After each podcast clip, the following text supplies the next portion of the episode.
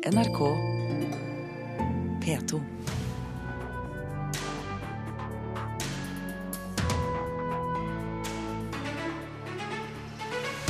Pensjonister er opprørt over at det kommer nok en TV-kanal for unge, selv om det er eldre som ser mest på TV. Netcom-reklamefilmen parodierer altså der ingen skulle tro at noen kunne bu, og som vi akkurat hørte i Dagsnytt, NRK-programleder Oddgeir Bruaseth misliker at stemmen hans blir etterlignet. De norske filmene skiller seg ut på filmfestival i Hellas, sier vår filmanmelder, fordi de ikke tar opp de store spørsmålene. Og Fredagspanelet samles her i Kulturnytt. I Nyhetsmorgen i NRK. Nå er det nok TV for unge folk, mener både Pensjonistforbundet og Seniorsaken. De er opprørt over at det ikke blir satset på TV for seniorene, som er de som ser mest fjernsyn.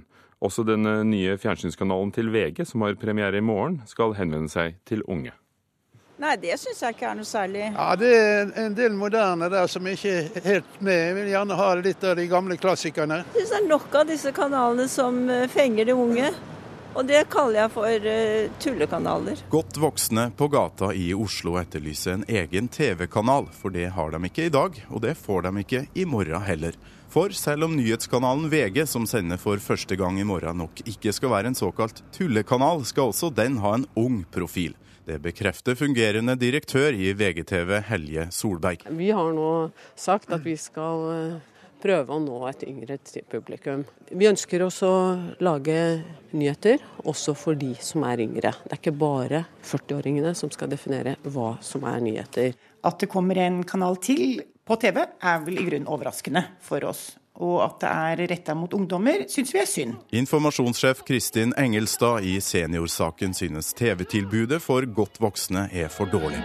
Hva var vel livet ut Kanskje er det nostalgiske tilbakeblikk med filmer som Vi gifter oss fra 1951 de eldre savner på TV, men mest av alt vil vi ha programmer med mer substans enn det ungdommen ser på, sier generalsekretær Harald Olim Nordmann i Pensjonistforbundet. Også han rister på hodet over at ingen tør å satse på en seniorkanal. Nedslagsfeltet er jo kjempestort, så hvorfor ikke folk tør å teste, teste ut en egen TV-kanal for, for godt voksne, det skjønner jeg ikke dag da jeg traff deg. Og voksne mennesker er jo en gruppe fra 50 år. Man regnes som senior, og det er jo helt klart at uh, mange har god råd. Kanskje bedre råd enn en 18-åring som sitter og ser på Paradise. Dennis og Kristin hooket opp på Paradise Hotel. Det er jo mest for uh, unger under 15, syns jeg, da. Og selv er du? 84. En 84-åring ser godt over dobbelt så mye på TV som en 18-åring, viser tall fra TNS Gallup. Rådgiver i mediebyrået Karat Jarle Talberg er ikke i tvil om at det ligger et uforløst potensial for annonsører som vil rette seg mot det han kaller det grå gull. Det er noe man har pratet om i forhold til å kalle det grå gull. De har mye penger, de har mye tid og, de, forbruker jo masse. Så det er stort potensial for annonsørene å ta litt ta tak i dette og nå de eldre. Og hvis noen tar utfordringa å faktisk lage en TV-kanal for godt voksne, er det en selvfølge for direktør Gisle Pedersen i Kanal Digital kabel-TV å distribuere. Når denne gruppen er så tydelig på at de etterspør et eh, bedre tilbud på TV, så høres det ut som en fornuftig ting og at noen tilbyr det. Ja, hei og velkommen til eh, Men først skal nykomlingen VG ha premiere. Og selv om det er internettgenerasjonen som er målgruppa, håper direktør Hellige Solberg at også seniorene tar en tur innom. Vi tror at uh, dette kan være attraktivt fordi uh, når det er sagt, så tyder jo i hvert fall tallene fra NRK og TV 2 at uh, når det gjelder nyheter, så appellerer det på lineær TV aller mest til de som er pluss 50. Nummer én for meg. Og reporter var Torkil Thorsvik.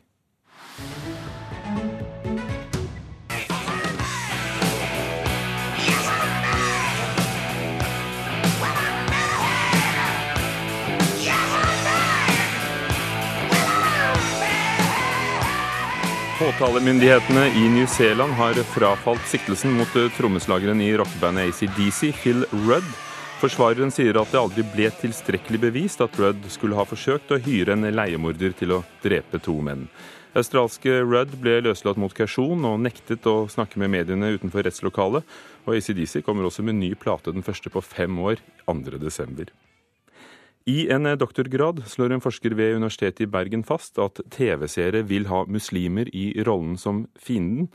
Rolf Halse har studert forrige tiårs mest populære TV-serie 24-24, og hvordan rollefigurene endret seg gjennom sesongene.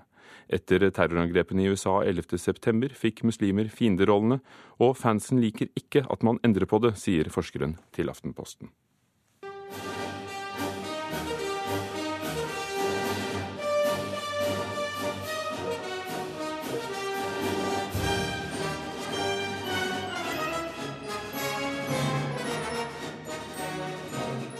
Tittelen på den syvende Star Wars-filmen er klar, 30 år etter den første, melder filmselskapet selv på nettstedet Twitter. Den heter The Force Awakens, Kraften våkner, og er regissert av JJ Abrahams. Star Wars-veteranene Mark Hamill, Harrison Ford og Carrie Fisher er fortsatt på rollelisten.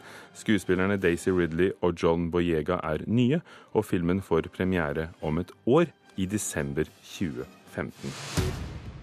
Skog og fjell Sjø og vann, bakker og berg. I dag skal vi til Høybråten, en helt vanlig stad som ligger trygt plassert her, midt imellom Mjøsa og Sandefjord.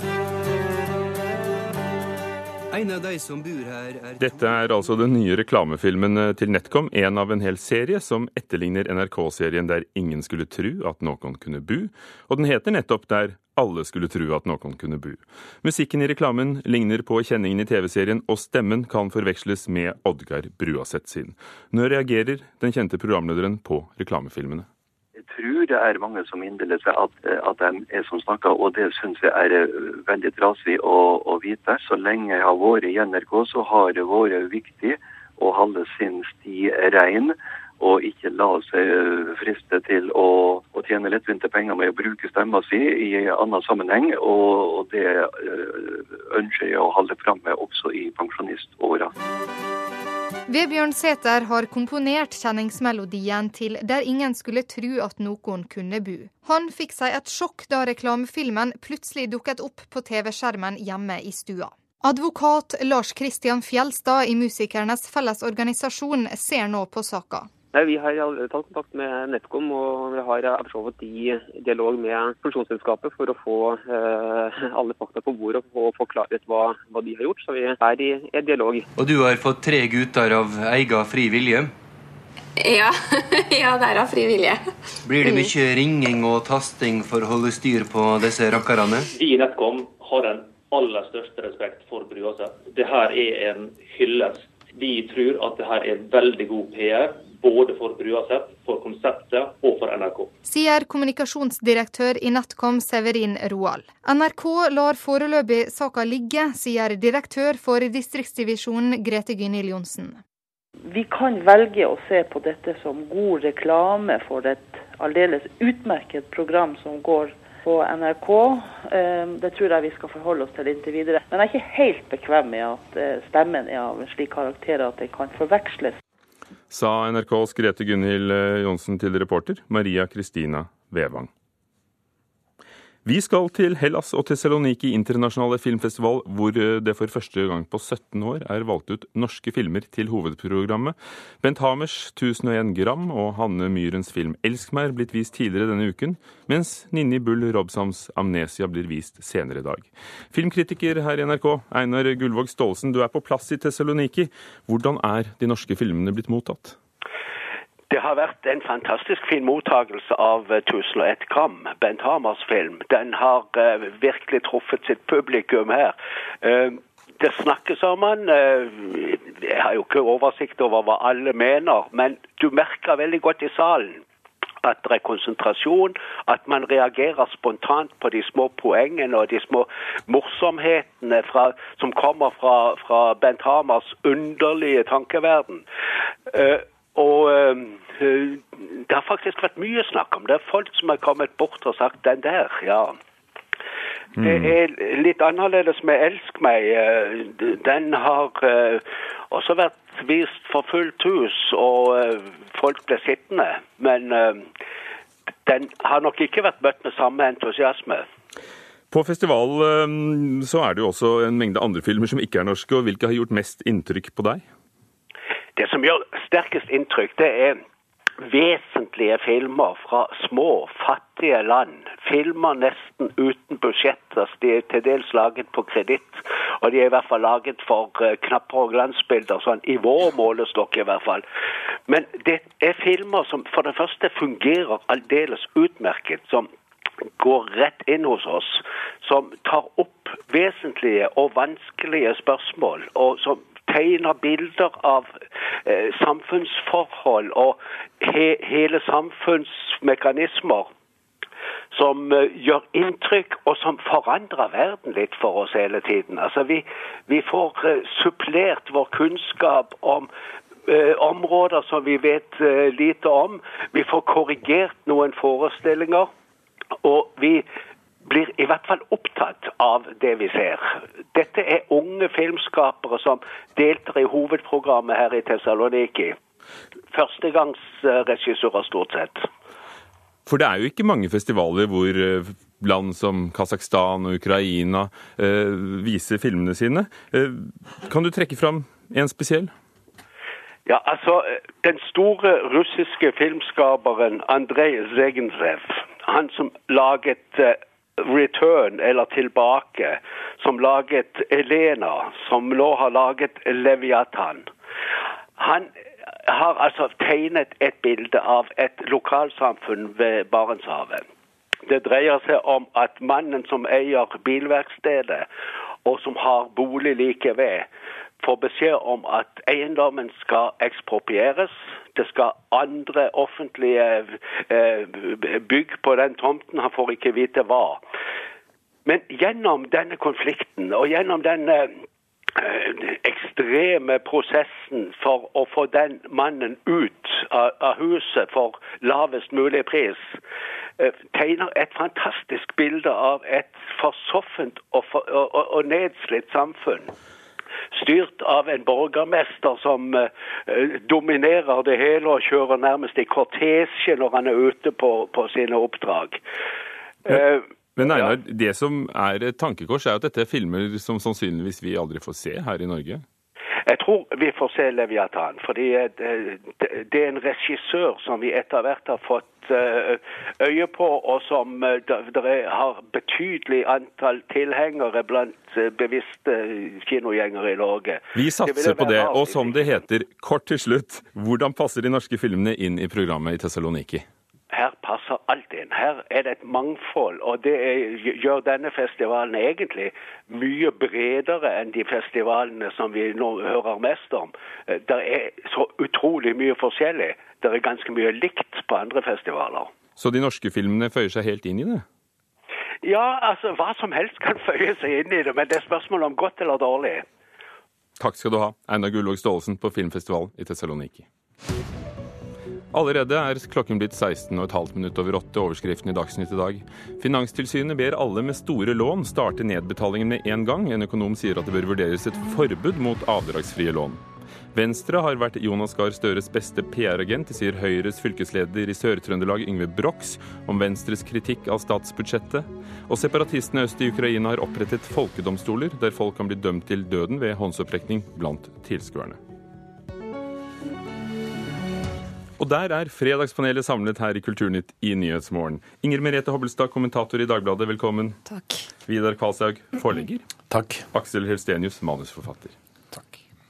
Denne uken eh, kom det et eh, hjertesukk fra byrådslederen i Oslo. Han hadde hørt en sak på Kulturnytt eh, her altså, der motemagasinet L fikk kritikk for en artikkel som var skrevet om motehuset Dior, og der Dior selv hadde betalt for reisen og oppholdet for Ls journalist og, redaktør, faktisk. Er dette en debatt vi må ta, spurte Stian Berger Røsland retorisk, og spørsmålet går videre til dere. Er dette en debatt vi må ta? Ja. Hver gang. Ja. Nei. Er ikke så farlig, Aksel Justenius? Nei, det, det bryr jeg meg absolutt ingen verdens ting om. Jeg tenker at Når det kommer fra byråden, så skjønner jeg jo at man må ta debatten. Hvis han mener det er riktig, så er det jo helt sikkert feil. Så derfor har jeg bestemt meg nå for å høre på folk som da er tettere på denne bransjen. Altså både på journalistsiden, forleggersiden. For at dette her må jeg si at jeg vet litt om, og så bryr jeg meg veldig lite om det. Altså de glossy-magasinene, hvem som betaler for det. Når det er 90% reklame, så, ok, så er det blitt 95 da. Men det var jo ikke bare ham, det var jo også Høyres mann eh, på Stortinget og en mengde folk eh, vi traff på Karl Johans gate. Eh, ja, og så nå kan det jo sies mot dem igjen at eh, moteindustrien er eh, verdens, kanskje, er verdens femte, industri, fremst største industri og er en stor maktfaktor når det gjelder hva folk kjøper, bruker penger på, hva som går opp og ned, ned av designere og stjerner og trender som har eh, innflytelse.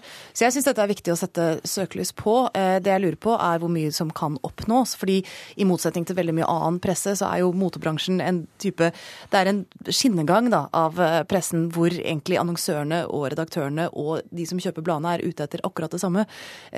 som er- nemlig å få vite hva skal jeg kjøpe, hva er inne hva driver de forskjellige motehusene med. Så du kan si at den kritiske avstanden er er ikke så synlig. Det er ingen som egentlig er opptatt av det. Man kjøper ikke moteblader for å lese kritiske reportasjer om de forskjellige motehusene. Eh, Samtidig så er jo dette åpenbart noe som handler om troverdighet. Altså jeg, tror, jeg tror de som kjøper motebladene gjør det fordi de tror at dette er den oppriktige vurderingen til folk som har, har peiling på mote, altså hva de mener er verdt å investere på. Og hvis dette er plass som er føles som det er kjøpt og betalt, så er det vesentlig. Og om ikke man kan endre systemet helt, så vil jeg si at merking, som det er snakk om her, vil være en fordel. Og at det ikke er en ubetydelig debatt.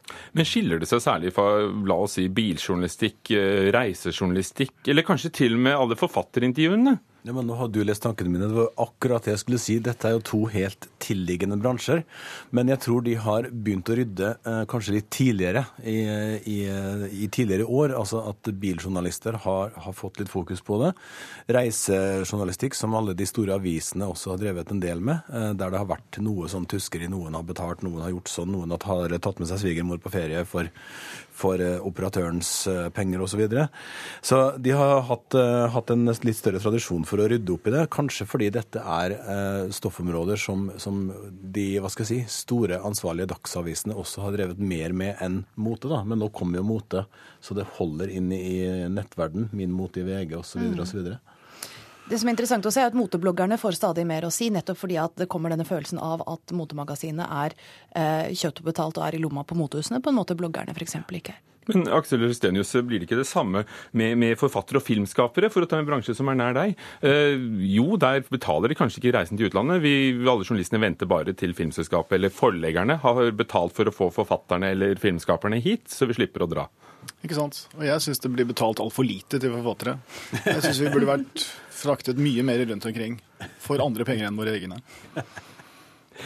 Um, Vil vi se en, en oppvask her? Fordi jeg tror det er tredje gangen i år vi er innom temaet her i Fredagspanelet. Eh, Vil vi noen gang kunne slippe det?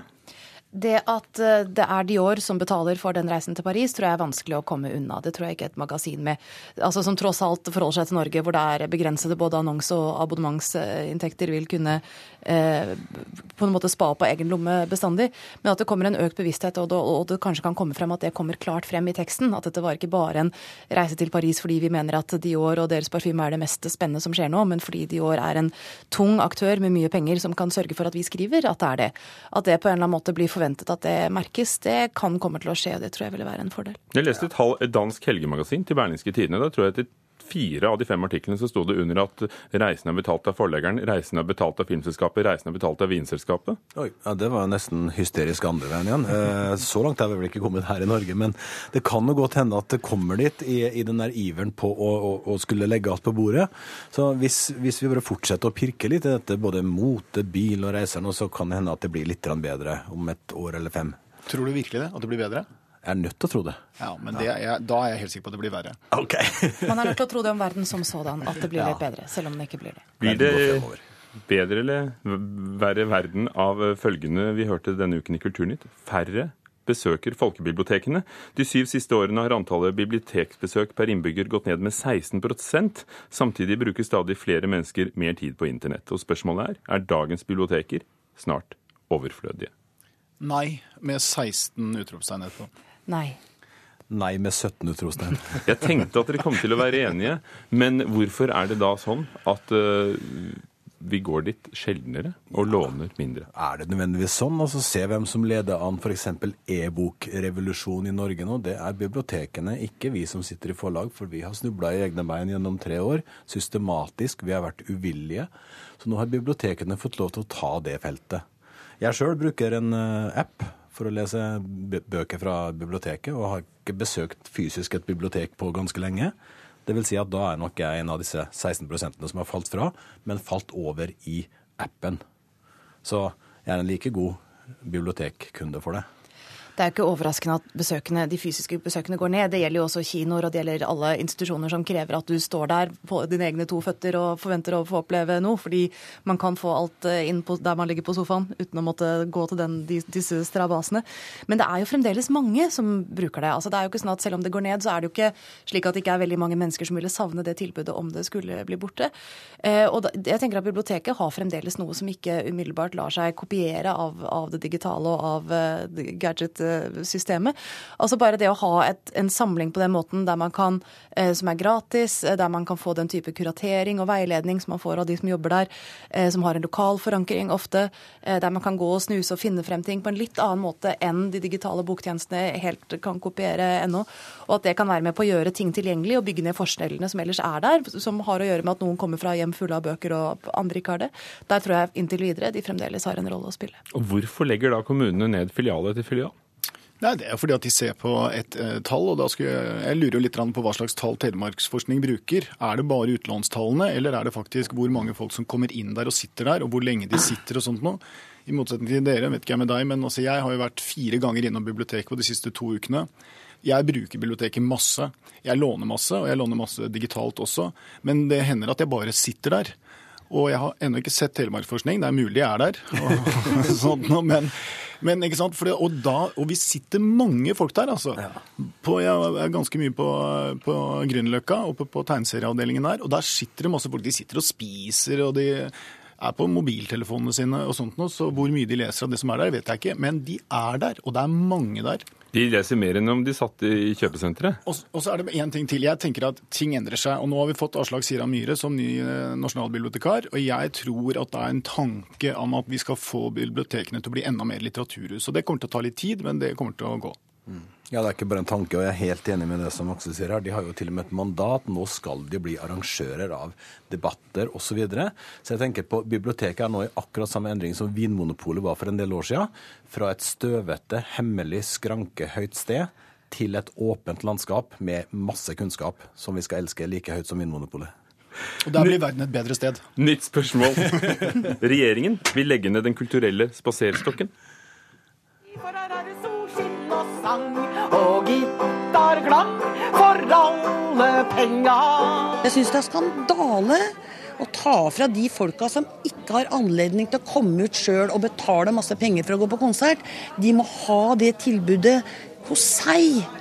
Kari Svendsen, hun med banjoen i Dagsrevyen, hun er en av de 9000 som protesterer mot regjeringens budsjettforslag. Og spørsmålet er er Den kulturelle spaserstokken den eneste måten å formidle kultur til gamle på? Nei, helt sikkert ikke. Eh, nei, men for all del. Ja, det er den absolutt eneste.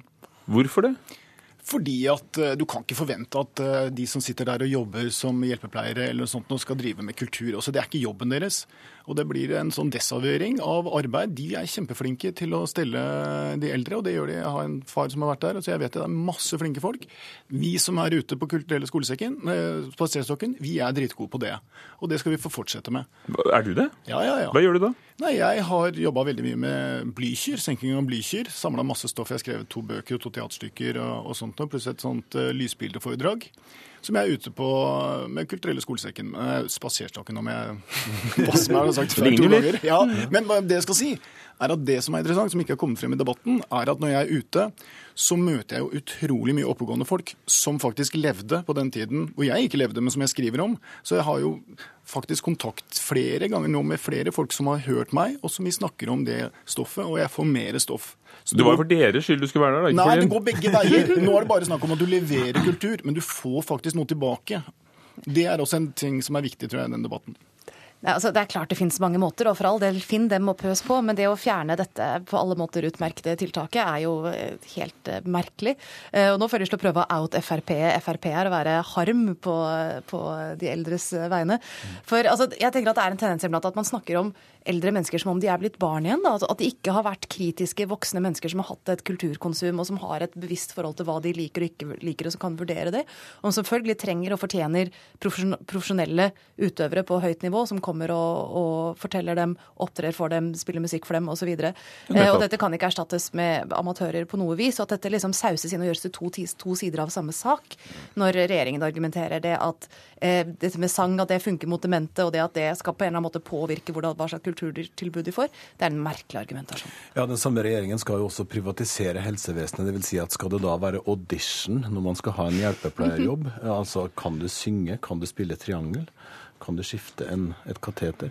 Det er, det er noe som ikke henger sammen. Og det at, det at eh, denne regjeringen er i utakt med folk flest, dvs. Si en hel generasjon med eldre mennesker eh, på kulturfeltet, det forbauser vel ganske få her i rommet i alle fall. Så dere mener egentlig alle at det, dette er den eneste måten å, å gjøre det på slik det gjøres i dag? Ja. Og skolesekken og, og spaserstokken er det beste kulturet etter eh, 1 Men hva gjorde de før, eh, hvis vi skulle tiden ti år tilbake, da? Da hadde vi jo Ivar Ruste. Vi hadde jo, jo TV-programmer som, som handla om kulturforeldre den gangen. her. Det har vi jo ikke så mange av lenger, f.eks.